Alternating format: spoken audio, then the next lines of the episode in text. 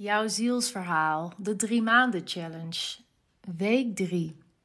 En het is een super spannend moment voor mij, want ik ga zo meteen de podcast met eh, Nicolai Versloot opnemen. En ik moet je zeggen, ik ben er echt best wel een beetje zenuwachtig voor. Want normaliter maak ik natuurlijk in mijn eentje een podcast, of ik ben in de vorm van een interviewer, of ik ben gespreksleider, of ik ben trainer, of ik ben coach. Maar in dit geval gaan Nicolai en ik gewoon echt met elkaar in gesprek als gelijkwaardigen. Vanuit eenzelfde ervaring, namelijk dat wij allebei ervaring hebben hoe het is om een tweelingziel te zijn. We gaan het hebben over tweelingzielen, soulmates, maar ook karmische liefdes. En ook als jij dat dus zelf nog niet hebt ervaren, of misschien dat jij nooit je twin flame gaat ontmoeten, dat weet je niet, denk ik dat deze aflevering toch heel interessant voor jou kan zijn. Vooral omdat het uh, vanuit het mannelijk en vrouwelijk perspectief uh, is. En ik ga wel proberen me wat kwetsbaarder op te stellen. Ook omdat ik vind dat als je met iemand in gesprek gaat, dat je dan ook misschien wel je eigen blinde vlekken wat makkelijker naar boven krijgt. Hè? Omdat de ander nou eenmaal dingen in jou ziet die jij zelf niet ziet. Dus daarom is het ook spannend.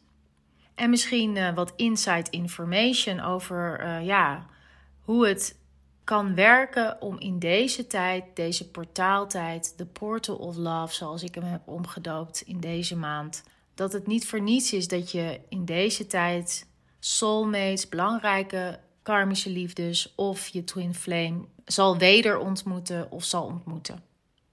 Op dit moment ben ik dus in separatie met mijn twin flame. En hoe ik er naar kijk is dat hij de runner is en ik de chaser. En daar kun je heel veel over lezen. In het geval van Nicolai en zijn twin flame, ze hebben nooit een relatie gehad, maar er is wel een moment geweest waarop hij de chaser was en zij de runner. Dus dat is ook leuk om vooraf even te weten. Verder weet ik niet wat er gaat gebeuren in deze aflevering. Wel wil ik je vast meegeven dat niet deze week ik de opdracht geef voor jouw drie maanden challenge, maar dat deze week die van Nicolai komt. Veel luisterplezier. Higher, higher, higher, higher. Soul Stories, de podcast in samenwerking met Nicolai Versloot. En uh, hoi Nicolai. Hey Roslien. Ja, het is super spannend en leuk. Uh, normaliter maak ik een podcast alleen. Uh, in het verleden ook veel geïnterviewd. Maar uh, dit is weer iets nieuws, want we gaan gewoon samen in gesprek. Absoluut. Ja, en uh, jullie als kijker eigenlijk, we proberen ook contact te maken met de camera om jullie erbij te betrekken. Dus uh, dat wordt nieuw voor ons. Ik vind het zelf nog een beetje spannend. Ja, en ik niet, want ja, spreken in het openbaar is mijn vak. En dat wil niet zeggen dat ik het inhoudelijk heel erg spannend vind om met jou in gesprek te gaan. Want we gaan in gesprek over het thema eigenlijk van de maand bij Soul Stories is The Portal of Love. En dat heb ik eigenlijk zelf zo genoemd omdat ik heel erg duidelijk ervaar, voel dat wij in een portaaltijd zitten. Hè, de, de ascensietijd. Maar dat er ook niet voor niets op dit moment veel mensen hun zielsverwanten uh, ontmoeten. Hun twin flames of een bepaalde belangrijke soulmate. Of misschien wel een karmische liefde. En wij hebben daar allebei ervaring mee. Dus vandaar dat ik jou heb uitgenodigd om met mij dat gesprek aan te gaan. Ook omdat ik weet, en dat weet jij misschien ook wel, dat je hebt zelf blinde vlekken voor jezelf. Ja. Dus ik heb jou ook gewoon nodig om bepaalde dingen aan het licht te brengen. En andersom misschien ook. Dat ik jou weer kan ondersteunen in waar jij uh, ja, eventueel een blinde vlek voor hebt. Dus we gaan in gesprek. Extra lange aflevering. En we hebben een go. Oké. Okay. Thanks for having me, Roslien. Dankjewel. Ja, insgelijks. Uh, een kleine introductie van mijn kant. Nou, Nicolai Versloot, zoals ze al zei. En um, ja, liefde, romantische liefde, is voor mij iets heel speciaals. Ik zeg altijd, if you master love, you master life.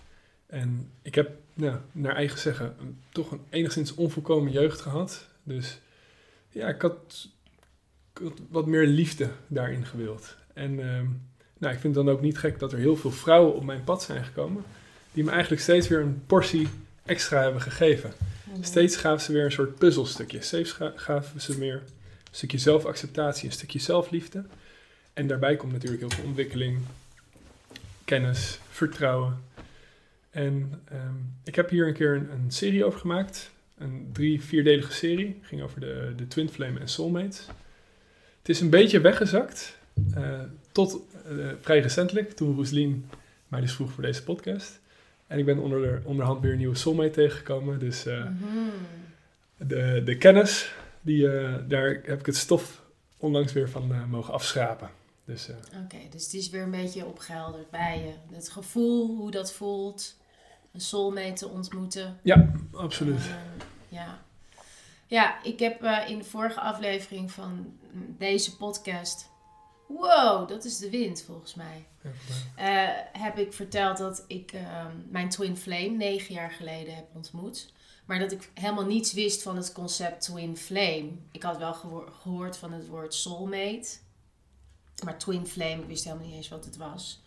Dus toen ik mijn twin flame ontmoette, wist ik niet dat dat bestond. Maar er is altijd iets geweest bij hem van, wat nou als hij? Dus ik leefde gewoon mijn leven. Ik had hem ontmoet, zag hem niet als een romantische of liefdespartner. Maar er was altijd ergens een stemmetje. Wat nou als hij? Kan je die zin afmaken? Maar ik ga niet zijn naam noemen, toch? Nee, nee, maar wat nou als hij, puntje, puntje? Ja, ik dacht gewoon, wat nu als hij mijn partner is? Mijn levenspartner. De persoon waar ik bij moet zijn. Om, en ik wist mijn god niet waarom, want ik wist niks van hem. Ik verdiepte me ook helemaal niet in hem. Ik zag hem af en toe gewoon bijvoorbeeld op social media iets van mij liken of zo. En we hadden een speciale band opgebouwd uh, op het werk. Maar ik heb nooit verder gedacht dan alleen maar dat zinnetje: wat nou als hij? En dat was dan zijn naam, die ik dan nog eventjes hè, gewoon even geheim wil houden. Omdat ja, hij heeft er niet om gevraagd dat ik hier met jou een podcast ga lopen maken. Het is gewoon een stukje integriteit. Ja, toch? Ja, vind ik ook netjes. Dus um, dat vind ik sowieso al heel interessant. Hè? Uh, en het tweede vind ik interessant. Um, waarom we het gevoel hebben, en ik, ik vul dat nu voor jou in, ja dat je je zo moet verdedigen aan andere mensen dat er twin flames bestaan, tweelingzielen. En ik ga zo nog wel even kort uitleggen wat is een tweelingziel nou eigenlijk. Maar dat dat bestaat en dat je dit alleen maar kan weten en als je het hebt ervaren. Ja. Dus je kunt het niet aan een ander uitleggen als je het niet zelf hebt ervaren. En dus voel ik een bepaalde uh, weerstand waar ik doorheen moet breken als ik mezelf zou willen zijn ten alle tijden. Ja. Of dan maar het niet benoemen en dan verlogen ik weer mezelf. Dus daar struggle ik heel mee. Herken je dat? Uh, ik herken het niet dat ik mezelf moet verdedigen erin. Oké. Ik herken wel dat mensen denken van ja, wie is dat dan? Hè? De twin flame, Nico, leg eens uit. Wat maakt een twin flame anders dan een normale relatie? En dan zeg ik van ja, dan wil je dat uitleggen, daar, daar probeer je. Um, en dan nemen ze je met een koolzout. Dat, is, dat is mijn ervaring. Ja. Maar ik heb dan... In het begin was ik heel erg van... Zie mij daarin, weet je wel. Ik, dit is speciaal, dit is belangrijk voor mij. Zie mij. En dan had ik ook een soort van... Dat ik iets naar voren probeerde te drukken op ze. Bijna iets op probeerde te leggen. Ja.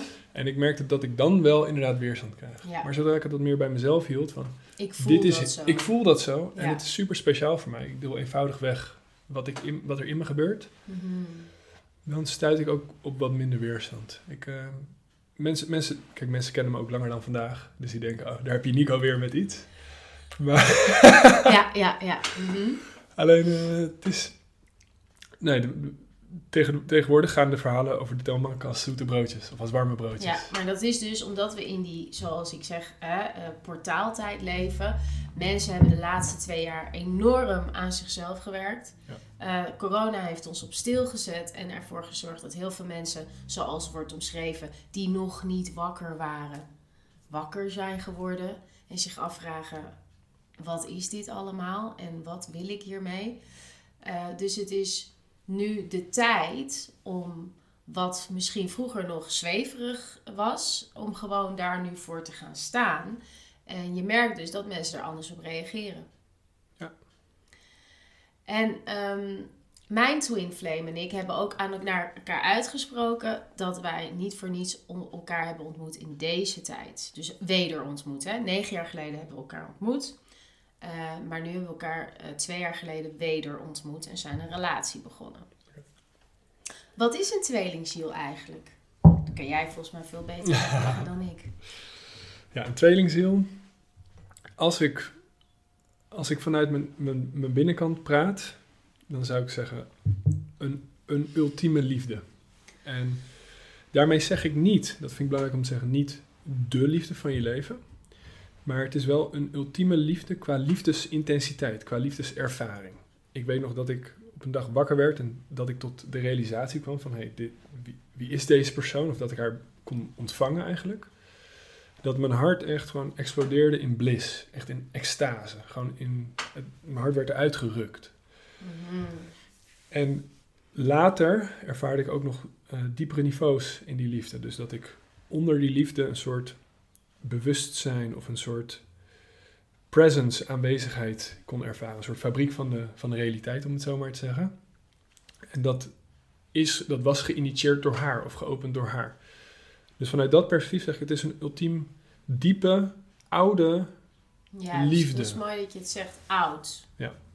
Want mijn uh, tweelingziel, uh, en een tweelingziel is dus eigenlijk een, een ziel die is opgesplitst. Hè? Het is één ziel en die is opgesplitst. En je bent hier op aarde om uh, ervaringen op te doen. En als je erin gelooft, dan heb je dus ook een contract getekend om weer een bepaald soort leven te leven. Zelf heb ik nog een beetje moeite met dat idee, maar dat schijnt wel zo te zijn dat ik hier mijn handtekening heb gezet.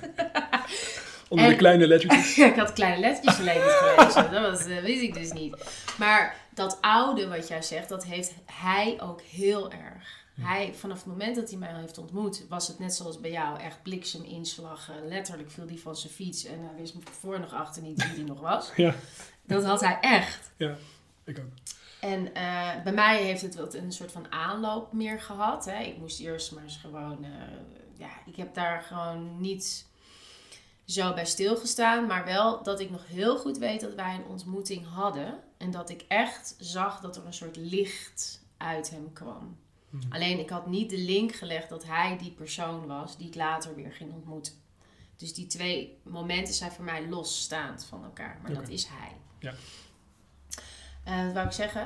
Ehm, dat oude uh, is heel herkenbaar. Dat je het gevoel hebt als een soort dieper weten dat je meerdere levens met elkaar al hebt geleefd. Ja. En zelfs dat wij ook beelden hebben van die levens. En dat je denkt, ja, oh ja, ze, ze waren in de woestijn. Oh ja, ze komen uit Egypte. Ja. ja, nou ja, dat is wat wij zo voelen en ervaren. En hij heeft er zelfs echte herinneringen aan. En ik heb één beeld. Dus als jij zegt dat oude, daar herken ik me ook heel erg in. Dat je een soort dieper weten hebt. Onze levens zijn elkaar al meerdere malen gekruist. Ja, ik herken dat oude vooral in de herkenning. Weet je wel, ik heb, ik heb een, aura-scanner, zeg maar. Die is verfijnd. Je komt elkaar tegen en je denkt, gewoon even zonder die levens. Eh, ja. van, ik ken jou. Ik ken jou. Ik weet precies wie je bent. Het voelt vertrouwd. Ik ben thuis. Een beetje dat gevoel. Ik kwam erachter dat ik toen ik haar de eerste keer zag.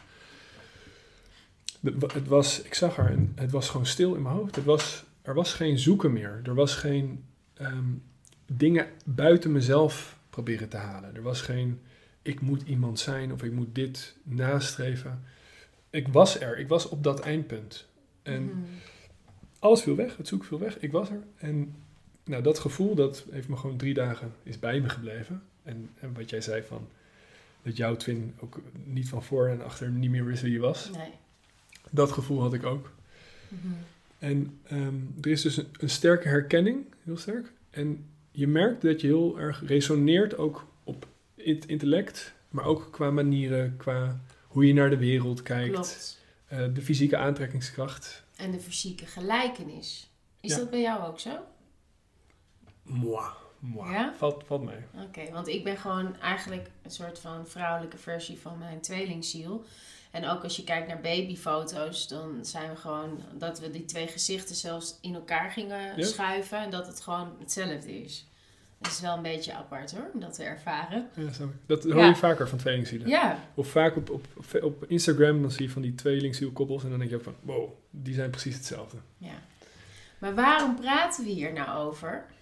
Ehm, ik vind het belangrijk dat als je aan persoonlijke ontwikkeling doet en je, en je bent je bewust en je wordt steeds bewuster en je wil meer weten over bewustzijnsverhoging en je wil eh, zo puur mogelijk in het leven staan, dat je de mensen om je heen, dat je dat niet ziet als, oh, dat is gewoon een leuk iemand.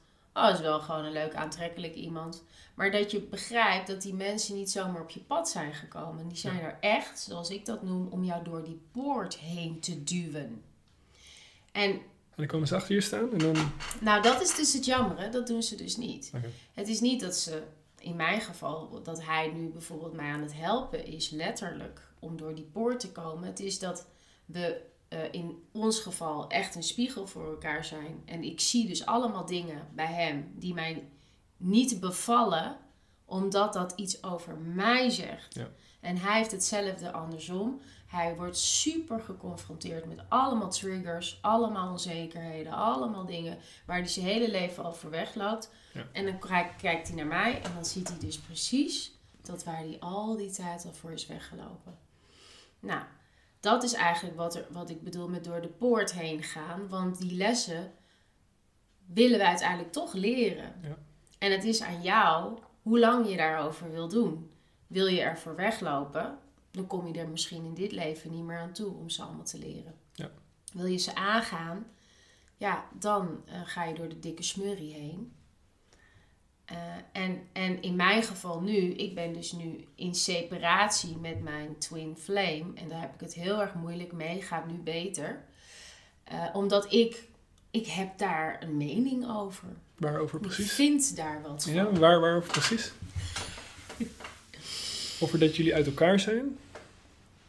Kijk, in de tweelingzielenreis is er vaak een bewuste en een wat onbewustere. En je komt samen en samen ga je in een soort spirituele eh, ontwaking. En dan komt er een moment van het ego. En het ego die heeft nog allemaal dingen op te ruimen. Ja. Dus ik zie mezelf als de bewustere. En ik heb inzichten. Ja. En ik, heb, ik zie dingen en ik weet dingen. En, en, en dat is mijn intuïtie. En die is gewoon zo sterk dat het voor mij soms lastig is om niet de doorspoelknop te willen indrukken. Als je nou maar eens gewoon dit zou zien en als je nou maar eens gewoon dat zou doen, Hm. dan zouden we het sprookje kunnen beleven met de unicorns en de regenbogen. Ja, en dat, ik vind het interessant hè, wat je zegt. Want je hebt het vaak over... Als jij, Precies. als jij, dan zouden wij... Ik- niet. Ik, ik liep heel erg rond met... ehm, zie me nou eens staan, weet je wel, naar mijn tweelingziel. Van, zie je niet hoeveel ik van je hou? Zie je mijn liefde niet? Kan je het niet ontvangen? Weet je wel, je volgt je hart niet. Maar ik moet eerlijk zeggen, hoe ouder ik word, hoe meer ik dus erachter kom dat achter al die verwijten en die, eh, die aantijgingen, het vingerwijzen, beschuldigingen, Ja. zit eigenlijk een behoefte of een verlangen in jezelf. En eh, daar zit in mijn optiek het helingspotentieel ook. Mhm. Dus als ik zei van, hé, hey, volg je hart, je bent er niet voor me. In de kern wat ik eigenlijk zei is van, ik voel me ongeliefd door je. Ja, Ik voel me ongeliefd. ja En dat is precies een gevoel waarmee mijn moeder me bijvoorbeeld achterliet. precies. Ehm, of als ik zei van, ontvang mijn liefde. Weet je wel? Eigenlijk zeg ik, zie me. Dat is Ja, wat ik tegen haar zeg. Zie me, ontvang me. Eh, wees open naar me. Want ik voel me dus miskend of afgewezen. Ja. En is dat miskend en afgewezen en de, het verlangen en de behoefte, is dat eigenlijk iets wat je van je moeder had willen ontvangen, wat je nu terug hoopt te ontvangen van haar? Ja. Ja. En, eh, Van, van al mijn liefdes. Van al mijn, van al mijn exen. liefdes, Ik ja. heb laatst mijn exen geanalyseerd. Ja. Hoeveel zijn het? Nee, hoe, hoe lang hebben we? nee hoeft niet hoor. En, eh, nou, ik, heb dus, ik had dus een lijstje gemaakt met dus de gevoelens waarmee ze me achterlieten. Of de gevoelens die je in, het laatste, in de laatste fase die je had. Dus als je elkaar telkens het moeras intrekt eigenlijk. In de, de hardcore trigger fase, zeg maar. Dat je eh, bij elke poep op scheet, dat je elkaar, eh, Echt dat je in de gordijnen schiet, zeg maar. Ja, ja, herkenbaar, herkenbaar. Nou, had ik dus, kwam ik er dus achter dat ik dus, ik voel me vaak niet toegelaten door ze. Eh, weet je wel, niet toegelaten tot hun innerlijke wereld. En dat is dus ook een gevoel dat ik heel erg bij mijn moeder had. Van, mam, laat me nou eens toe. Weet je wel, ik wil weten wat er in je speelt. Ja, Deel je oh, intimiteit met me. Mhm. Dus ik voelde me afgewezen. Eh, Mhm. Ik voelde me niet de moeite waard. Weet je wel, ben ik niet interessant genoeg? Ben ik niet belangrijk genoeg? En waar ik blijkt dat uit? Waar bleek dat uit als je zo'n gevoel had? Wat deed de ander dan?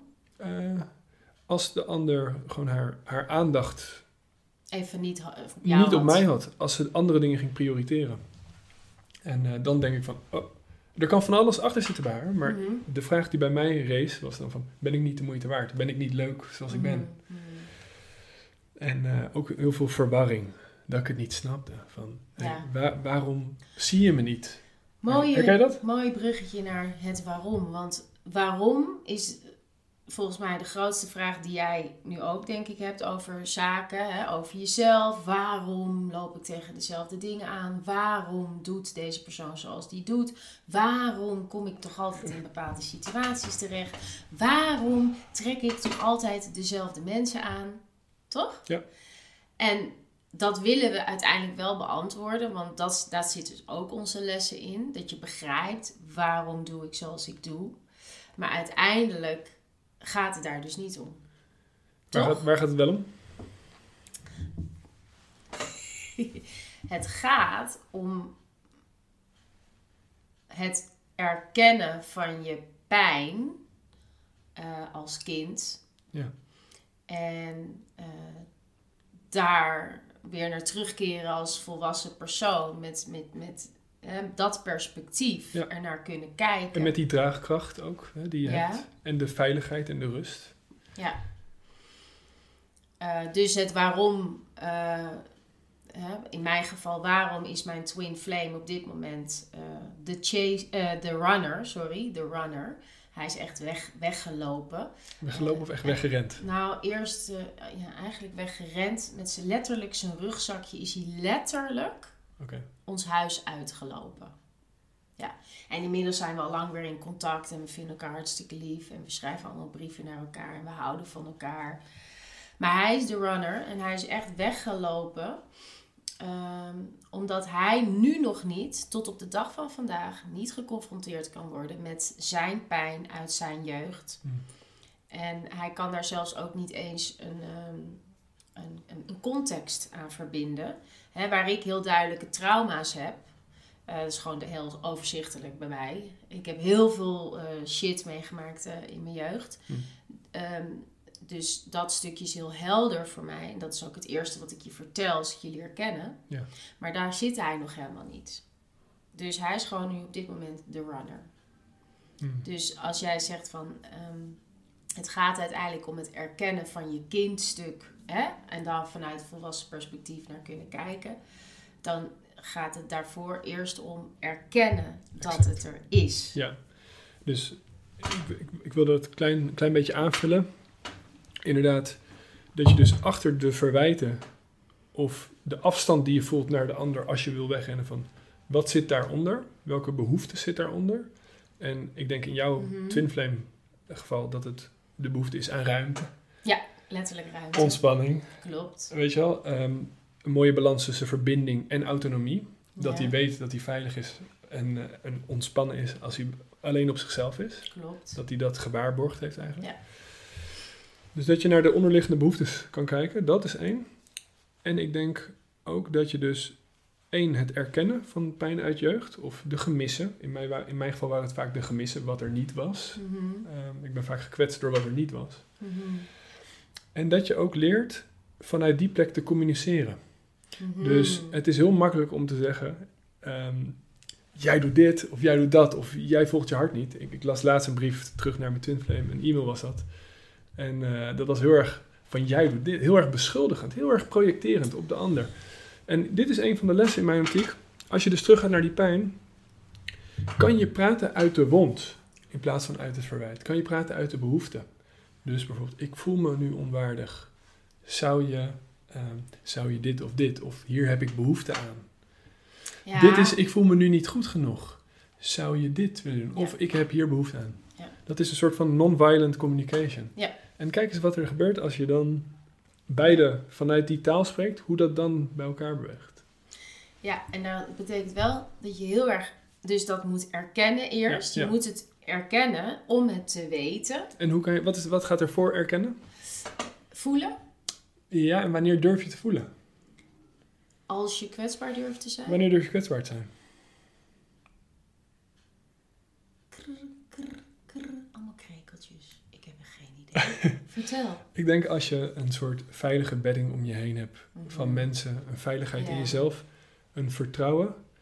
En eh, als je de weet dat je niet wordt veroordeeld door de mensen om je heen. Dus dat je een, Ja. een veilige space hebt om in te kunnen openen. Ik denk dat het daarmee Daar begint. het veiligheid, een goede een, eh, ja, mensen om je heen die je begrijpen, die je zien. Waarbij het heel erg gaat over mag iets er gewoon zijn. Dat. Ik zeg bijvoorbeeld tegen mijn twee, tweelingziel heel vaak van ik veroordeel jou niet gewoon om wat jij voelt of wat jij eh, van jezelf vindt of wat je eh, niet kunt of wat je niet weet of wat je, nou noem maar nog iets met niet. Ja. Daar gaat het mij helemaal niet om. Ja. Ehm, dus je hoeft je niet te schamen. Terwijl ik ken zelf bijvoorbeeld heel veel schaamte. Eh, dus mijn overlevingsstrategie is in ieder geval om zo lang mogelijk mijn best te doen om niet te laten zien dat ik iets niet weet, niet kan, Herkenbaar. enzovoort. Ja. Terwijl ik een ander dat helemaal kan laten eh, zijn. Dat, dat vind ik helemaal prima. Dat is ook Eh, vrouwelijk. Ja? Die, die oordeelloosheid, die, die Mhm. acceptatie. Mhm. Dus dat weet ik van mezelf. Eh, ik kan nogal eh, voor mannen intimiderend zijn. Dat wordt mij vaak verteld. Dat, he- dat hoor ik al mijn hele leven. Ik doe ook mijn hele leven ontzettend veel moeite om kwetsbaar op te stellen. Maar het is gewoon super moeilijk. Omdat ik me dus inderdaad niet veilig genoeg voel. Bij mijn twin flame voelde ik mij vanaf het eerste moment super veilig. Ehm, maar hij niet.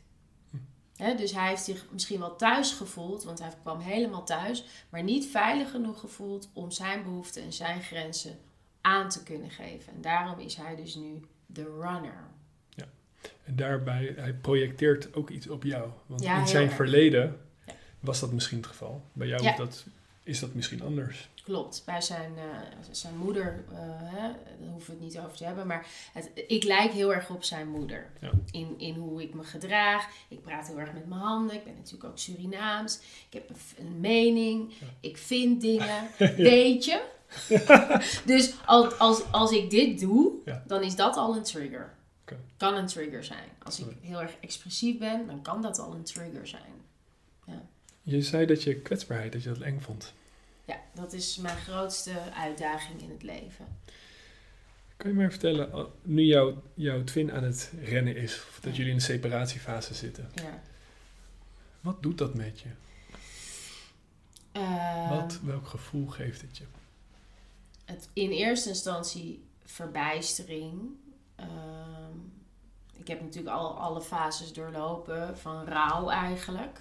Hm. Boosheid, verbijstering, frustratie, verdriet.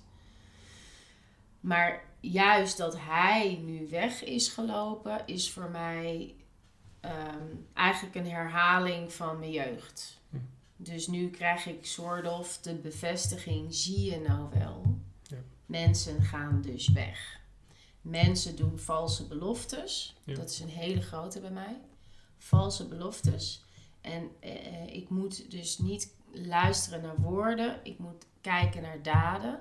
Dus ik voel mij gewoon ja, alsof ik ehm, geamputeerd. Is dat een gevoel? Zeker. Oké. Pijnlijk. Ja, echt heel pijnlijk. Ja, echt geamputeerd. En als je zegt, mensen houden zich niet aan hun woord en daar Ja. word ik in bevestigd. Dat is eigenlijk dat je dus weer naar buiten wijst. Hè? Klopt. Wat doet dat met je? Als mensen zich niet aan hun woord houden, hoe voel jij je dan van binnen? Ehm, Ja, ik denk ook weer onveilig. Onveilig. Ja. Verraad. Verraad. Verraad. Ja, verraad. Wantrouwen. Wantrouwen, eh, dat groeit. Hè, er was 100% vertrouwen. Ja. Maar dat is natuurlijk wel doorgeslagen naar wantrouwen. Want oh ja, dat zeg je wel, maar je gaat het blijkbaar niet doen. En waarom is iemand niet eerlijk? Iemand is niet eerlijk omdat die persoon niet eerlijk is naar zichzelf. Ja. Dus het is niet eens liegen. Het is ik geloof dat ik dit ga doen en waarmaken. Oh, eh, maar ik loop nu tegen mezelf aan en ik blijk het dus niet waar te kunnen maken. Ik denk dat het gevoel van wantrouwen dat jij ervaart naar die Mhm. ander, of dat gevoel van verraad, dat zal die andere persoon nog sterker in zichzelf ervaren. Als hij er Klopt. bewust van is. En dan, wat gebeurt er dan bij die persoon? Oh, dat weet ik niet. Dat weet ik niet. Maar het is meer van, dat zit ook op een bepaalde manier in die persoon. Ja, ja. Want het is natuurlijk heel, heel eng om eh, aan jezelf toe te geven dat je bepaalde dingen niet kan, niet durft. Ja. Ehm, ja, en dat. ehm, Daar Is lopen heel mensen van weg. Daar lopen mensen en van weg. daar rennen ze dus weer van weg. Ja. Ik heb mijn hele leven ben ik weggelopen van laag zelfbeeld. Dat zit Mhm. gewoon in me. En Mhm. eh, nou, je ziet het, weet je wel. Ik heb mezelf op, opgedoft en eh, ik ben wel, wel bespraakt. En eh, weet je wel, ik, ik weet het goed te, te bedekken eigenlijk. Mhm. Maar ja, het is wel iets waar ik keihard voor ben weggerend. Onmacht ook. Ja, maar wat zou er zijn gebeurd als je er niet voor was weggerend? Hoe ziet dat er dan uit? Dan zou mijn heling zou veel sneller zijn verlopen. Omdat het, zeg maar, het enige, geloof ik, wat de mens weerhoudt van helen, is het oordeel Wat ergens op hebben. Het oordeel dat erop zit. En 28 jaar, 29 jaar ben ik er dus van heel veel dingen ben ik weggelopen. En je bouwt verder in je ego eigenlijk. Je bouwt een persoonlijkheidsstructuur op met trauma doorweven persoonlijkheidsstructuur. Het is vorming. Maar ja, je komt er wel achter dat er eigenlijk een soort dat je wegloopt van een bepaalde leegte in jezelf. Je vermijdt iets. En hoe meer ik dus nu terug ga naar de kwetsbaarheid van ik voel me onwaardig, het doet pijn, ik voel me niet gezien. Nou, dat is even pijnlijk, weet je wel. Ik noem dat de angelmethode. Je trekt de angel eruit. Mhm. Maar daarna is het wel van... ah, er is een ontspanning. Het vechten, het innerlijk contrast, dat verdwijnt. Dat is ook zo. Dat herken ik ook heel erg. Van, ja. ah, en ik ben er nog steeds, weet je wel. Ik Ja, leef nog steeds. Oh, ja, ik, was voel, ik voel me niet de moeite waard. Oké, so be it. Weet je, wel. ik leef nog, ik kan nog steeds genieten, ik kan nog steeds ademen. Ja. En, maar, en dan is er opeens clarity en helderheid. En de actie die je vanaf dat punt neemt, ah, dat, is, eh, Ja, dat is veel fijner. bevrijdend eigenlijk, hè? Hoe weet jij, hoe weet, dat vind ik nog wel interessant. Hoe weet jij zeker dat dit jouw twin flame is? Nou, Heb je er net- niet tien? Heb je er niet tien? Waarom Nee. zijn... Ik wou net even wel een bruggetje maken naar eh, waarom is het interessant voor jou om naar deze aflevering te kijken als je misschien niet je twin flame hebt ontmoet, hem ook hem haar nooit gaat ontmoeten, want dat gebeurt natuurlijk ook. Ja. Ehm, hè, want het gaat niet alleen over tweelingzielen, het gaat ook over soulmates. Ja. Ehm, en soulmates, dat kunnen vrienden zijn, eh, collega's, eh, maar ook familieleden. Ja, het kan een kat zijn, een Het kan een kat zijn. Ik heb dus een soulmate hondje gehad. Bertje heette die. Oh, Bertje. Maar goed, wat was je vraag? Waarom weet ik het zeker? Ja, Ja. nou, En eh, heb je er maar één? ja ik ben ervan overtuigd.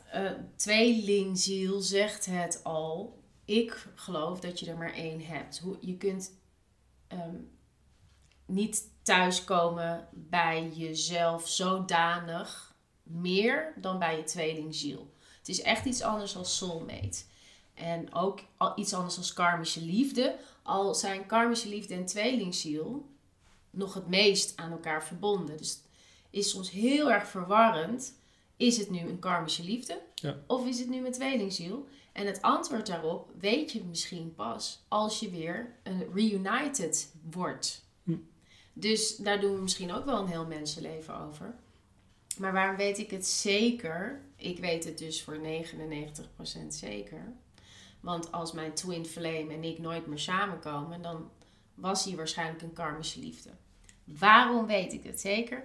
Omdat eigenlijk alle kenmerken van een tweelingziel, en die heb jij een keer een aparte aflevering over gemaakt, Klopt. is gewoon copy-paste op onze situatie. Ja, ja. En niet één uitgesloten. Dus wil je weten wat zijn de kenmerken van een tweelingziel, dan zou ik je aanraden om jouw uh, aflevering te luisteren. Ja. Er zijn heel veel lijstjes te vinden op het internet van uh, waar moet het aan voldoen. Maar ik vind dat verkeerd om. Ja. Want ik wist het pas omdat ik het heb ervaren. En niet Ja. omdat ik eerst een lijstje ging googlen. En, en daarna ging kijken welke persoon in mijn leven komt het dichtst in de buurt dat lijstje of zo. Zo Nee, werkt het nee. niet, hè? Ik vind dat ook belangrijk om te zeggen. Van, eh, we leggen hier best wel veel nadruk op de tweelingziel. Mhm. Als zijnde een soort koning of koningin op een berg bekroond van halleluja, halleluja, daar moet je naar op zoek. Nee, het is helemaal De- niet zo leuk. Nee, destijds dacht ik er wel zo over. Van, is dit er? Weet je wel, wauw, is dit, is dit de ware? Ehm, moet ik altijd met deze persoon samen zijn? Een beetje dat, je gaat je afzetten of vergelijken tegenover dat romantische beeld dat je ziet in films en het ideaalplaatje eigenlijk. Mhm. Alleen ik kom er steeds meer achter ehm, dat er komen zoveel mooie mensen op je pad. En eh, of het nou een soulmate is, een twin flame of gewoon een wat meer aardse relatie, allemaal eh, doen ze wat met je. En als Klopt. kijken naar mijn eigen liefdesleven, ik ben niet meer bezig zelf met de labels. Destijds was ik dat wel. Was ik heel erg bezig van, oké, deze heeft 9 van de 10 eigenschappen van twin Mm. flame. Is dit er of niet? Ja. Is dit een soulmate? Ik wou het allemaal snappen en Mhm. categoriseren. En bij mij had dat heel erg te maken met ook nog speciaal willen zijn. Van, ik ben deze persoon tegengekomen. Of ook Mhm. begrip. Eh, en dat zijn twee dingen bij mij die ook voortkomen uit trauma. Ehm, dus nu ben ik veel meer, veel meer ontspanner en kijk ik gewoon van... Wat gebeurt er in de energie? Weet je wel, ik weet niet wie deze persoon is... maar laten we een interactie aangaan, want blijkbaar moeten wij iets gaan doen. Blijk- blijkbaar moeten wij de dansschoenen aantrekken en Mhm. een periode gaan dansen. Wat doet het met mij? Wat zegt het over mij? Wat zijn mijn behoeftes, verlangens? Hoe ontvang ik deze persoon? Dat zijn eigenlijk voor mij veel meer relevante vragen op dit moment. Dus, Ja. dus ver- ver- ehm, duik er niet te diep in. Zo. Laat je niet gek maken. Ik Ik, het eens. ik snap dat, en dat wil ik ook zeggen. Toen ik mijn tweelingziel ontmoette, werd ik best wel, draaide ik door. Van, mijn wereld stond ondersteboven. Eh, ik kwam thuis voor het eerst in mijn leven. Ja. Eh, een gevoel dat ik altijd al had gemist. Eh, ik kende deze persoon al. Ik wist precies hoe de psychologische silhouet er eigenlijk uitzag. Ja.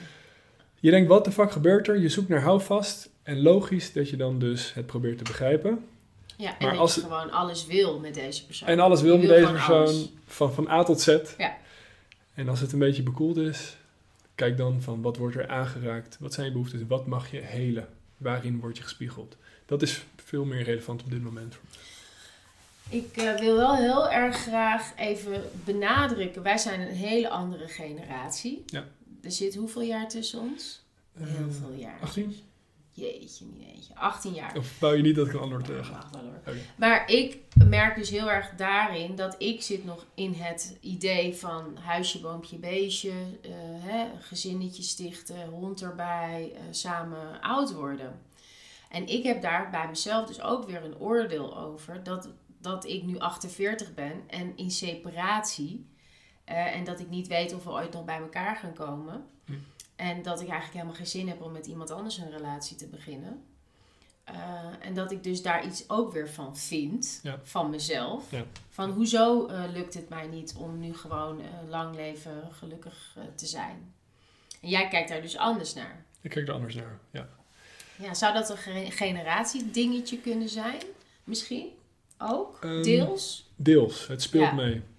Ehm, ik hoor dit heel vaak hè, over die generatiekloof. En mijn ouders die iets op me projecteren van... Nico, we willen dat je hier aan voldoet. Of dit is wat, wat er wordt verwacht. Onderhuids voel je dat dat wordt verwacht. Dus het is één een generatieding. Maar ik denk ook dat veel mensen... Ja, meer vrijgevochten denkers om het zo maar te zeggen. Mensen die Mhm. het pad bewandelen. Die komen er wel steeds meer achter van... Ik moet naar de maatstaven van binnen leven. Ja. Kijken wat goed voelt. In plaats van mezelf ergens extern in proberen te proppen. Ja. Dus van binnen geïn- ge- geïnitieerd in plaats van van buiten geforceerd, zeg maar. Ja. Dus ik denk Ja. dat het eh, ook samenhangt met het type persoon. Zeker. En ook met de fase in het leven waar je op dit moment staat. Eh, ik ga heel toevallig eh, deze, dit weekend weer een, een ayahuasca-ceremonie doen. Hm. En de intentie, want dat is al fijn om een intentie vooraf te stellen. voor deze keer voor mij is: hoe kan ik ervoor zorgen dat ik aanvaard wat er is? Dus hoe ik gewoon kan zijn. Prachtig. Ja, dat ga ik vragen. Hm. En, um, want hè, we hadden het vooraf aan dit gesprek over anders zijn. En misschien herken je je er ook wel in. Ik heb mij mijn hele leven anders gevoeld. Ik zei altijd, ik ben een alien op aard. Oké. Nou, inmiddels voel ik me geen alien meer, omdat ik gewoon steeds meer van binnen naar buiten leef. En dat ik steeds meer gelijkgestemden tegenkom. En dus ook weer zoiets heel toevalligs als uh, dat ik dus in, uh, in het gooi terecht ben gekomen. En dat ik van extern, dus niet omdat ik op straat loop en iemand tegenkom, maar dat ik gewoon zoals jij, jij blijkt hier ook te wonen. Ja. Weet je wel? En mijn nieuwe beste vriend bleek hier ook te wonen. En uh, de persoon met wie ik samenwerk met de Marokko Resorts voor Soul Stories, die bleek opeens ook hier te wonen. Hm. En dan denk ik bij mezelf, er is dus een reden um, waarom dit allemaal nu gebeurt. Ja. En daar ga ik heel erg op af op dit moment. Dus uh, word ik steeds meer bevestigd in dat mijn rare pad, mijn alienschap, dat dat misschien vind, helemaal niet zo erg is als dat ik er ooit van heb gemaakt. En dan heb ik het misschien over uh, twaalf jaar geleden of zo, dat ik dat hè, stom vond van mezelf. Dat Ja. ik niet het, het, het hokjespersoon was. Hmm. Ja. Ik vind het helemaal geen raar pad. Ik, Ik vind, ook ik niet. vind het heel natuurlijk, eerlijk gezegd. Ja. Heel, eigenlijk heel logisch. ja, maar er zijn heel veel mensen die bewandelen het, het logische pad. Die zijn er. Ja, en ik heb daar ook geen oordeel op. Eh, iedereen volgt gewoon zijn geluk. En eh, ik merk dat ik zelf gewoon veel meer geluk haal uit intimiteit, diepe verbinding, echt, echt, Ja. echt, echt connecten, eh, buiten de projecties om. Eh, echt iemand zien, echt iemand voelen, vertrouwen, emotie delen. En Ja. eh, dan kom je al snel op het pad terecht. Zeg maar. Het pad. Ja. En ehm, we hebben het vandaag dus over wat ik dan noem de portal of love. Ja. En dat is een portaaltijd waar wij in zitten en die gaat nog heel lang duren. Hè? Het is niet dat we morgen opeens in, vanuit een ander bewustzijn leven. Hoewel er natuurlijk heel veel mensen zijn die dat al, al zo voelen en ervaren. En dat er dus een reden is waarom we bepaalde tweelingzielen tegenkomen, waarom we soulmates nu tegenkomen eh, en karmische liefdes. Wat is volgens jou de bedoeling van bepaalde soulmates? Goeie vraag. Ehm,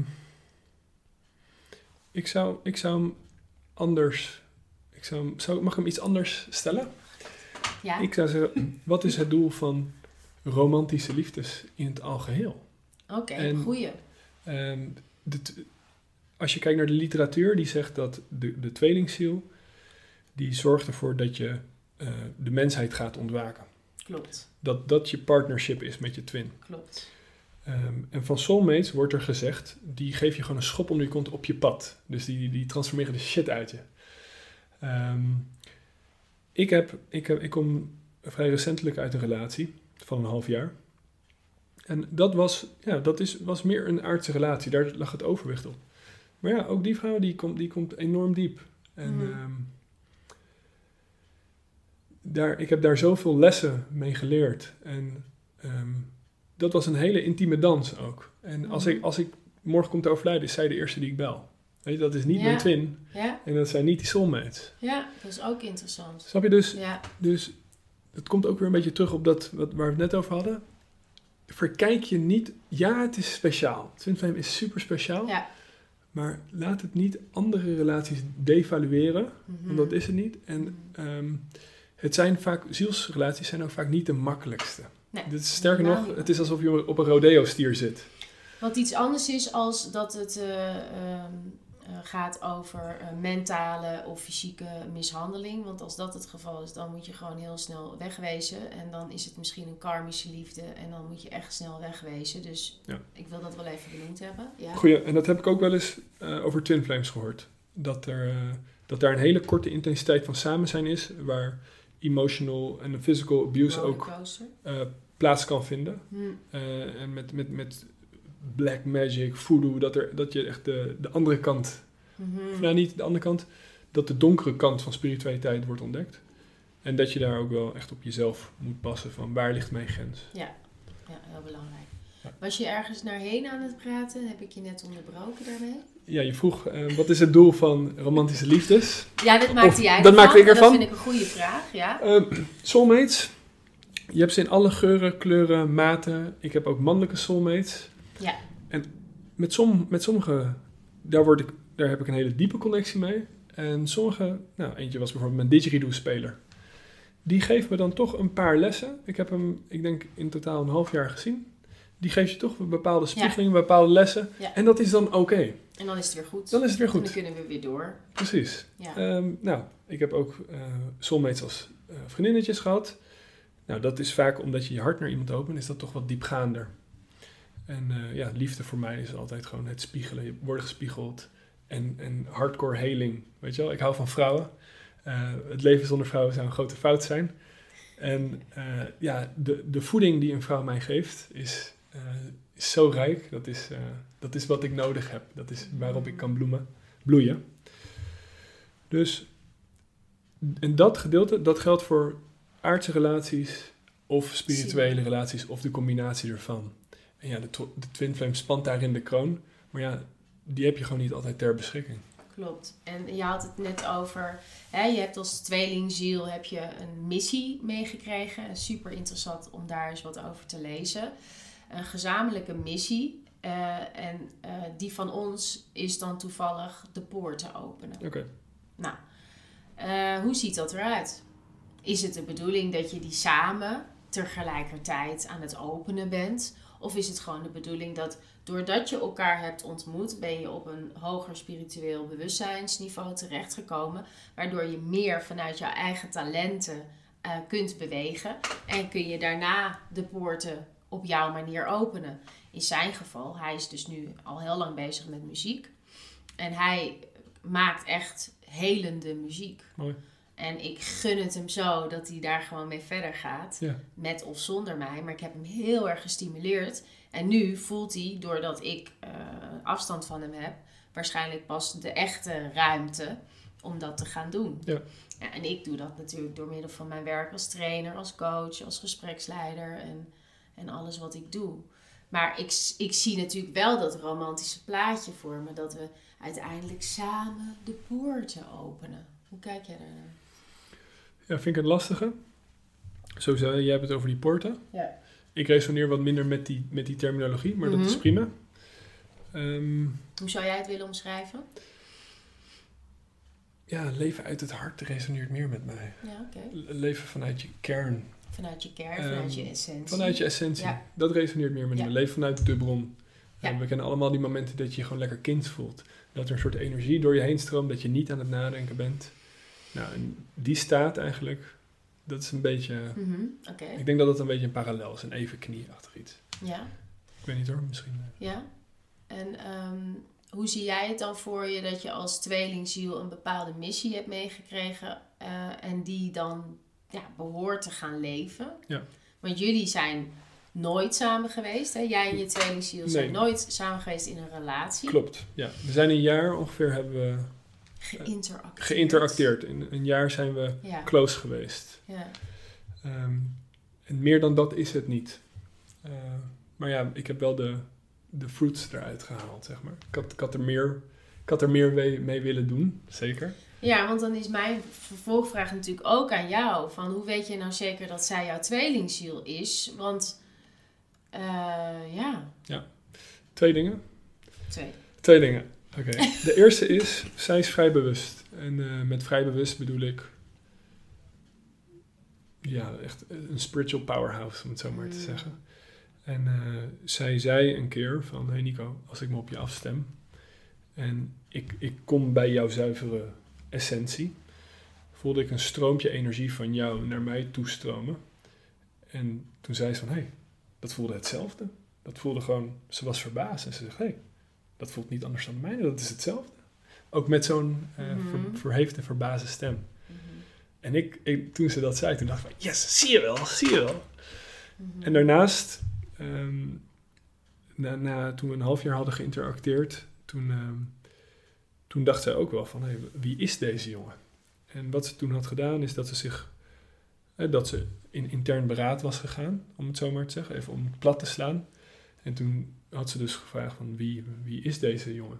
En toen kreeg ze twin, kreeg ze terug. Ja, Twin, het woordje twin. ja, En eh, nou, dat, Ja. die twee dingen, tezamen met al die lijstjes en het gevoel. Ja. Weet je wel, andere kenmerken zijn bijvoorbeeld de heart palpitations. De wat? De, hart, de, de hartkloppingen, voordat je, voordat je je ziet. oké. Dat heb ik ook veel gehad. Eh, Mm. de, de, de, de precisie, de verfijndheid, de, de afgestemdheid. Er is zo'n... Ja, Er is dat je denkt van, het is een geoliede machine, het gaat allemaal vanzelf. Ja, klopt. Je hoeft niks te doen, het gaat allemaal... totdat het niet meer vanzelf gaat, maar dat is het, dat is het ego-stuk. Klopt. Maar in het begin gaat alles vanzelf. Ja, en zo, zo, zo smooth. Ja. Zo zacht. Ja. Ja, ja, ja, top. Dus eigenlijk die twee kenmerken, dat zijn ja, Mhm. een beetje harde kenmerken. Mm. Nogmaals, ik ben nu aan het afstappen van, weet je, ik wil het bewijzen en zo. Dat, dat hoeft voor mij niet meer, maar eh, sommige mensen vinden dat leuk om te horen. Dus, eh, Mhm. Ja. Weet je wat ik zo bijzonder vond? Wij kennen elkaar dus eigenlijk helemaal niet. Hè? Dit is eigenlijk de eerste keer dat wij met elkaar zitten. klopt. En ik heb jou benaderd, want ehm, ja, ik, ik zat natuurlijk wel met mezelf een beetje in de knoop met het hele tweelingzielen gebeuren. En ik kwam jouw podcast tegen. En de manier hoe jij praat, Ja. ja dat, dat, eh, dat doet echt wat met mij. Ik vind dat je gewoon het op een hele goede manier allemaal uitlegt. En eh, ik hou heel erg van woorden. Dankjewel. En eh, ik geloof bijvoorbeeld ook in manifesteren met woorden. Ja, geloof ik ook. En als ik mediteer, dan hè, de een die ziet dingen, ik zie ook dingen, ik zie beelden, ik zie kleuren, maar ik heb ook dat ik dingen hoor. En eh, ik had jou aan de telefoon en jij zat gewoon in de auto. En op een gegeven moment vertel ik over mijn eh, twin flame en jij kent hem al helemaal niet. Nee. En toen op een gegeven moment begon je echt zo, wow, zat je in de auto, wow, ik voel zijn energie. Ja. En toen gebeurde er van alles. Ja, klopt. En ik ben toch wel heel erg benieuwd van, dat, dat is vast niet de eerste keer dat jou zoiets overkomt. Nee, Kun je daar wat over vertellen? Ja, wil ik wel doen. Ehm, ja, soms als je bepaalde mensen ziet of bepaalde eh, foto's ziet, dan heb je een bepaald voorgevoel bij iemand, heel simpel. En eh, nou, ja, ik hoor jouw stem en je hebt een hele jonge stem, een Ja. hele jeugdige stem. Klopt. En dat komt binnen in de zin van ook je vibe, je, je, Ja. je straalt een, een bak eh, lichtheid uit, zeg maar. Le- dat is lekker, trouwens. Mhm. Ik ontvang het. Gelukkig. En dat Ja. hoor ik ook dan eh, door de telefoon. Mhm. En ik merk, daar kan ik dan makkelijk mee connecten, om het zo maar te zeggen. En ik Mhm. zat dus, ik heb dat dus vaker met mensen. Ehm, niet altijd, maar soms. Mhm. En soms zie ik iets uit een vorig leven dat voorbij komt. Ja. Ehm, mijn talent, vind ik, dat zit meer echt in de energie voelen. Mhm. Dus als ik bijvoorbeeld met mensen praat, of als ik mensen naar bepaalde emoties leid, dan zie ik de shifts in energie, dat voel ik direct veranderen. Mhm. Ik voel wanneer er iets gebeurt. Ik kan het niet altijd goed onder woorden brengen, Mhm. maar ik registreer dat daar een zoektocht intern plaatsvindt bij de ander. Zeg maar. En daar kan ik ook een stukje heling in brengen. Eh, maar wat ik bij jou toen zag in de auto, wil je dat ik het vertel? Ja, je mag het vertellen. Nou, ik zat dus gewoon in de auto bij, bij Utrecht in de buurt. Zij vertelde over je twin. En ik, ik had dus een beeld voor me. En eh, ik zag dus een hele mooie zachte kracht. Een, een mannelijke energie was het. En Ja. Er was een vertrouwen. Mhm. En ik hoorde jouw energie erbij. En ik dacht van, hé, ik snap waarom die klikken. Mhm. Jou ervaar ik op dit moment, of qua energie nog soms als echt tot naar buiten treden. Ja. Ook een stukje van, zie mij hierin. Ja. Ehm, dit ben ik, weet je wel, ontvang me. Ja. Mag ik er zijn? Weet je wel, een beetje dat van. Ja. En ik snap dat sommigen dat intimiderend vinden. Ja. Ik vind dat niet, ik ontvang het. Ik moest Ja. wel even drie seconden even wennen. Ja. Alleen, en dan zie ik dus jouw twin ook. En eh, dat is bijna een soort van opposite daarin. Die is meer ingetogen, meer eh, in zichzelf. Ik dacht van, ah, die, ik zie waarom die klikken. Ja. En het volgende moment zag ik letterlijk hoe jullie bij elkaar kwamen. Of als het ware, jullie bleven op een afstandje. Bleven jullie zeg maar zo voor me hangen. Een beetje boven me ruit als het ware. Mhm. En ik zag een soort, een, een, een oersterk energieveld gewoon om jullie beiden Mhm. ontstaan. Mhm. En dat was, dat was heel ja, krachtig en, en diep intiem, om het zo maar te zeggen. Ik zag het heel mooi, heel helder. Ja. Jullie hingen echt hier, zeg maar. Ja. En eh, dat gaf ik toen terug. Ja, en je hebt toen inderdaad ook twee plaatjes gestuurd uh, van uh, twee hele mooie twin flame plaatjes. Ja. Inderdaad, met ook een soort aura eromheen. Hè? Ja, En een heel, een heel expansief aura. Mhm. En je zag ook, toen je die klikte, toen dat voelde, voelde oersterk. Dat ja. was, ja, interessant, interessant. En, um, ja. en als ik dat voel, dan ik hecht veel waarde aan wat ik zie en wat ik ervaar. Mhm. Dan denk ik, ah, dat, dat zit goed. Of daar, Mhm. eh, dat, daar is een dan een volledige erkenning van wat ik zie. Mhm. Dus. Ik ben heel erg van het, um, hè, ik uh, wil heel graag het doelgericht uh, bezig zijn met dingen. En ik ben ook resultaatgericht Ja. bezig met dingen. Um, en ik wil net als jij, volgens mij, dingen heel goed begrijpen. Als Ja. ik dingen heel goed begrijp, dan nou, dat is het gewoon goed. Ja. Dus ik ben ook altijd heel erg op zoek naar kennis. Ja. Um, als jij deze tijd zou mogen omschrijven, en uh, ik wil hem heel even koppelen aan de drie maanden challenge waar we op dit moment mee bezig zijn met Leuk. Soul Stories. Ja. We zitten in de eerste maand en dit is week drie. En eigenlijk uh, gaan we gewoon onszelf afpellen als een ui. Laag voor laag voor laag. En dan gaan we ons daarna weer netjes opbouwen. Uh, en dit is dus um, de tijd om echt naar binnen te keren. Um, uh, wat wil ik? Is een vraag. Maar een andere vraag is: wat vind ik echt belangrijk? En hoe wil ik mij bewegen hè? Uh, tot de ander?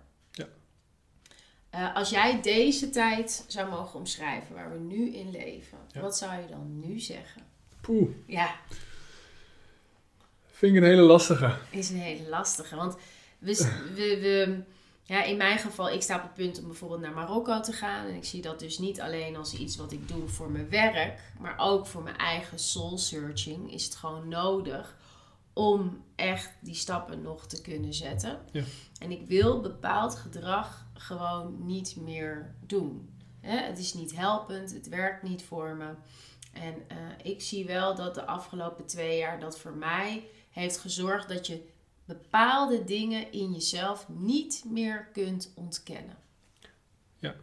Ja, true. Ja, dit, dit, ik vind het zo lastig om, om woorden te geven aan een bepaalde tijd. Omdat ik leef ook in een bubbel. Ik leef op Van Woude. Dat is een soort spirituele woongemeenschap. Ja, Uh, prachtig. Midden in het bos? Midden in het bos. Ja, geweldig. bij Laag Vuursen. Ja, super. Dat is een sprookje. Ja. Alleen, ehm, ja, dat zijn de mensen en dat type mensen waarmee ik me omring. Ja, Uh, dus ik zit toch wel in een soort spirituele bubbel, om het zo maar te zeggen. ja, Uh, ik werk nog wel drie dagen per week in Delft ook. ja, En dat is meer de... Dan verbind ik meer met de ingenieurs, de wetenschappers, de technische kant van me. ja, grappig.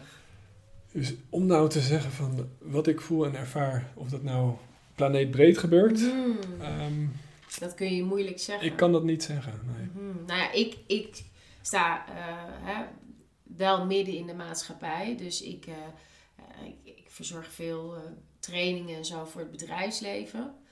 Um, ik ben verhuisd drie keer in drie jaar tijd. Dus ik ben, ben overal geweest, om Ja. zo te zeggen. Ja.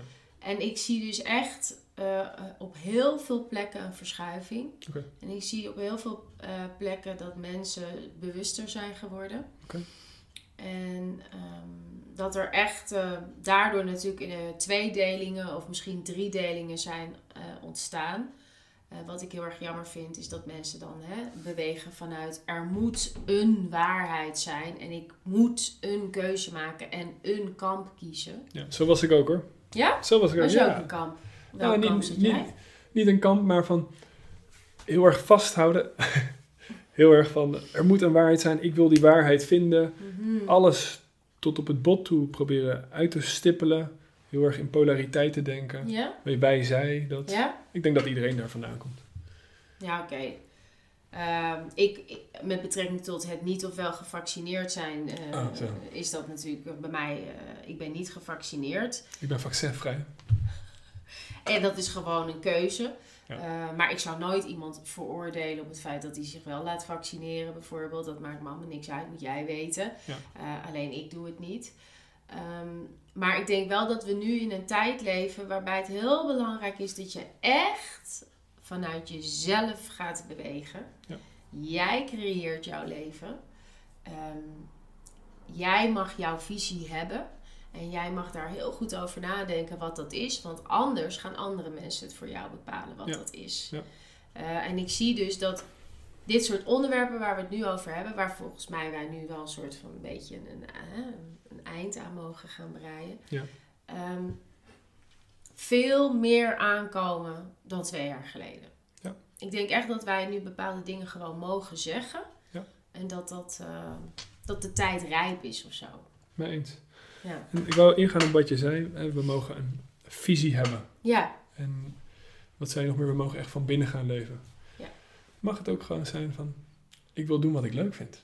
Ik wil, ik wil mijn leven inrichten op basis van waar ik gewoon zin in heb.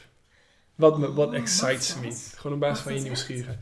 Ik hoor je en ik begrijp je helemaal over Ja. visie. Alleen dat kan soms voor sommige mensen die denken van... oef, ja. moet ik dan een Druk. visie hebben? Een en druk? mag niet meedoen. Precies. En Mhm. daar kom ik ook vandaan. En bij mij kwam het uit een soort strengheid naar mezelf. Weet je, ik leg de lat altijd heel erg hoog voor mezelf. Eh, hele hoge eisen ook aan anderen.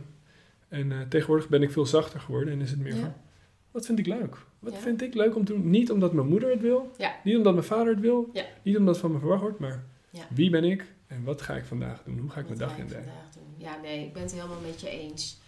Eh, en dat is ook, denk ik, wat ik bedoel met soul story. Hè? Dus jouw ziel weet het al. Jouw intuïtie vertelt je altijd wat jij wil. Ja. En wat goed voor jou is. En jouw ego, of wat het ook is, zegt jou dan dat dat niet zou mogen. Of dat dat niet professioneel is. Of dat je daar geen geld mee zou verdienen. Ja. Wat natuurlijk best handig is dat we een beetje geld verdienen. Om de dingen te doen die we Die we willen, doen. Ja, ja, Dus daar zit natuurlijk wel altijd een beetje een dilemma. klopt. Maar ik ben het helemaal met je eens. En ehm, een van de dingen die ik dus bijvoorbeeld gewoon wil doen, is eh, iets met muziek. Ja. Hè? En dat heb ik eerst als artiest gedaan, alleen nu wil ik het gewoon eh, voor mezelf. Dus ben ik vijf maanden geleden bijvoorbeeld op drummen gegaan. hartstikke leuk. Ja, dat zijn van die dingen die je dan gewoon doet. En wat er uiteindelijk uit voortkomt, weet ik niet. Ja. Ik weet wel dat ik er ontzettend goed in wil worden, want dat is mijn karakter. ja. Eh, maar dat doe ik dan gewoon voor mezelf. Hm. Wat doe jij gewoon voor jezelf? Gewoon voor, Gewoon voor mezelf. Ja. Ik denk gewoon lekker met mijn communitygenoten samen zijn. Eigenlijk moeilijker dan dat is het niet. Het Nee. is gewoon samen zijn, interacteren, sporten samen, lachen. Ja, Ik kom steeds meer eh, erachter dat er gewoon een grapjas in me zit die gewoon... eh, een rebel ook, weet je, die het gewoon leuk vindt om een beetje tegen schenen aan ja, te schoppen. oh ja, ik ben ook zo. Dus eh, Ja. dat, weet je, toch een kindse versie of zo. Oké. Bij eh, Soul Stories ga ik altijd eh, richting iets concreets. Ja. Dus dat je ook nu met dit gesprek er iets uit kunt Leuk, halen voor ja. jezelf. Hartstikke leuk. En ik heb mijn eh, luisteraars beloofd Ja. dat jij Ja. vandaag de opdracht gaat geven voor deze week, Ja. week 3. Ja. Dus dat betekent dat je een hele week eigenlijk met jouw opdracht bezig kan zijn. Het kan gaan over dat je je ergens bewust van bent. Of dat je naar een andere, op een andere manier naar iets gaat kijken. Eh, het kan van alles zijn. Eh, maar naar aanleiding van het thema wat we deze week hebben. hè, zielsverwanten in de brede zin des woords. Vorige week ging het over zielsverwanten en synchroniciteiten. Ja, mooi. Ben ik heel erg benieuwd, eh, ja, wat voor een opdracht zou je mij en mijn luisteraars en jezelf Ja, en jouw kijkers willen meegeven? Ja, het zijn eigenlijk... één is een soort van credo, een soort eh, een lijfspreuk. En die tweede is wat we ook al hebben aangeraakt in deze podcast. Het eerste is dus dat credo en dat is... Ga niet op zoek naar je twin flame of naar je soulmate, maar ga op zoek naar jezelf. Goeie. Zeg maar, dan het, het leven begeleidt je. Het, het leven dirigeert je naar je plek, naar wie je moet zijn. En wie je moet zijn, dat is dus ook een plek in jezelf. Ik weet, in deze podcast kan je misschien gaan denken, oh, twin flame, soulmates, Ja. bla bla bla. En, eh, ga op zoek naar jezelf en ze komen vanzelf op je pad. Wanneer jij er klaar voor bent, wanneer je er rijp voor bent. Ehm, en daar zal je een bijzonder avontuur mee hebben. I can guarantee you. Maar dat is dus niet extern gaan grijpen, maar intern voelen en intern leven. om het zo maar te zeggen. Dat is de eerste. En de tweede is, en dat hebben we dus ook al aangeraakt, zodra je dingen gaat projecteren op je buitenwereld, zodra je een mening hebt over die buurman, een mening over eh, iemand waarmee je aan het daten bent, een oordeel, een verwijt, een beschuldiging, een bepaalde wraak naar iemand, dat zijn externe projecties. Nou, dan is weer de opdracht, kijk naar binnen. Wat is dus die behoefte daarachter? Heel simpel. Gezien worden, gehoord willen worden, meer aandacht willen krijgen, meer behoefte aan intimiteit. Kijk, ik kan bijvoorbeeld me eraan storen dat mijn moeder zegt van, dat hij een verhaal afsteekt over dat ze de derde in de rij was van de kassa. Of dat er, weet je wel, oppervlakkige dingen. En dan kan ik daar boos over worden. Terwijl in mij zit eigenlijk de behoefte aan verbinding, intimiteit. En als ik dus bij dat gevoel ben en het als zodanig uitspreek, kijk, dan is wat voor een transformatie er op dat moment optreedt. Dus dat is één, een soort overwinst in jezelf. Overwinning, ja. En tegelijkertijd ook naar de ander. Want misschien opent de ander daarbij ook. Ja, een hele ander soort interactie. Heel ander soort interactie. Ja. Het is, het is zonder geweld. Ja. Dus telkens bij een externe projectie, kijk wat de behoeftigheid in jezelf is. Voel dat, geef dat toe. Van ik heb dit nodig of dat. Misschien kan je het jezelf geven. Dat is al heel Mhm. leuk. Misschien kan je jezelf, kan je dat gat in jezelf opvullen. Ehm, zachtheid naar jezelf, lief zijn voor jezelf, dat soort dingen. Of misschien bel je een vriendin op van hey, dit is wat er gebeurt en dit is wat ik nodig heb. Heel veel concreter, directer, Ja, zonder verwijten. Ja. Dus dat heeft ook dus betrekking op dat thema. Ga op zoek naar jezelf. Kijk wat er in je leeft. Niet te veel met wat er buiten je gebeurt eigenlijk. Ja. Is dat, ben is dat heel, helder? heel, heel blij Ja? dat je dit zegt. Ten eerste, je eerste credo, dat heb ik vorige week ook zo benoemd. Oké, grappig. Dus daar sta ik helemaal achter. En het tweede wat je zegt, dat is de weg naar eigenlijk elke transformatie. Ja. Eh, de weg via jezelf. En eh, er is geen andere. Ik zeg ook altijd, er is geen shortcut naar geluk. Ja. En er is ook niet zoiets als pijnloos groeien. Ja. Dat is nog niet uitgevonden. Nee. Groeipijn noem ik het. Ja, ja, ja. Ik wil je heel erg bedanken. Ja, Want het was geen interview, maar een gesprek. Ja. Dus jij wilt mij misschien ook wel bedanken. ik wil je ook bedanken bij deze. Ja? Ja. En dat is gewoon voor het gesprek, maar ook gewoon voor eh, je vibe en je ontvangst. Ja. Dat, is, eh, dat is me dierbaar. Ja. Ja. Ja, en ehm, ik ga hem zelf dan waarschijnlijk een paar keer terugkijken. Ja. En eh, dan ga ik allemaal dingen ontdekken. Eh, volgens mij is het super eh, waardevol. Ik hoop het. Ja. Ja. Dankjewel. Ja. En kijkers, mooie dag. High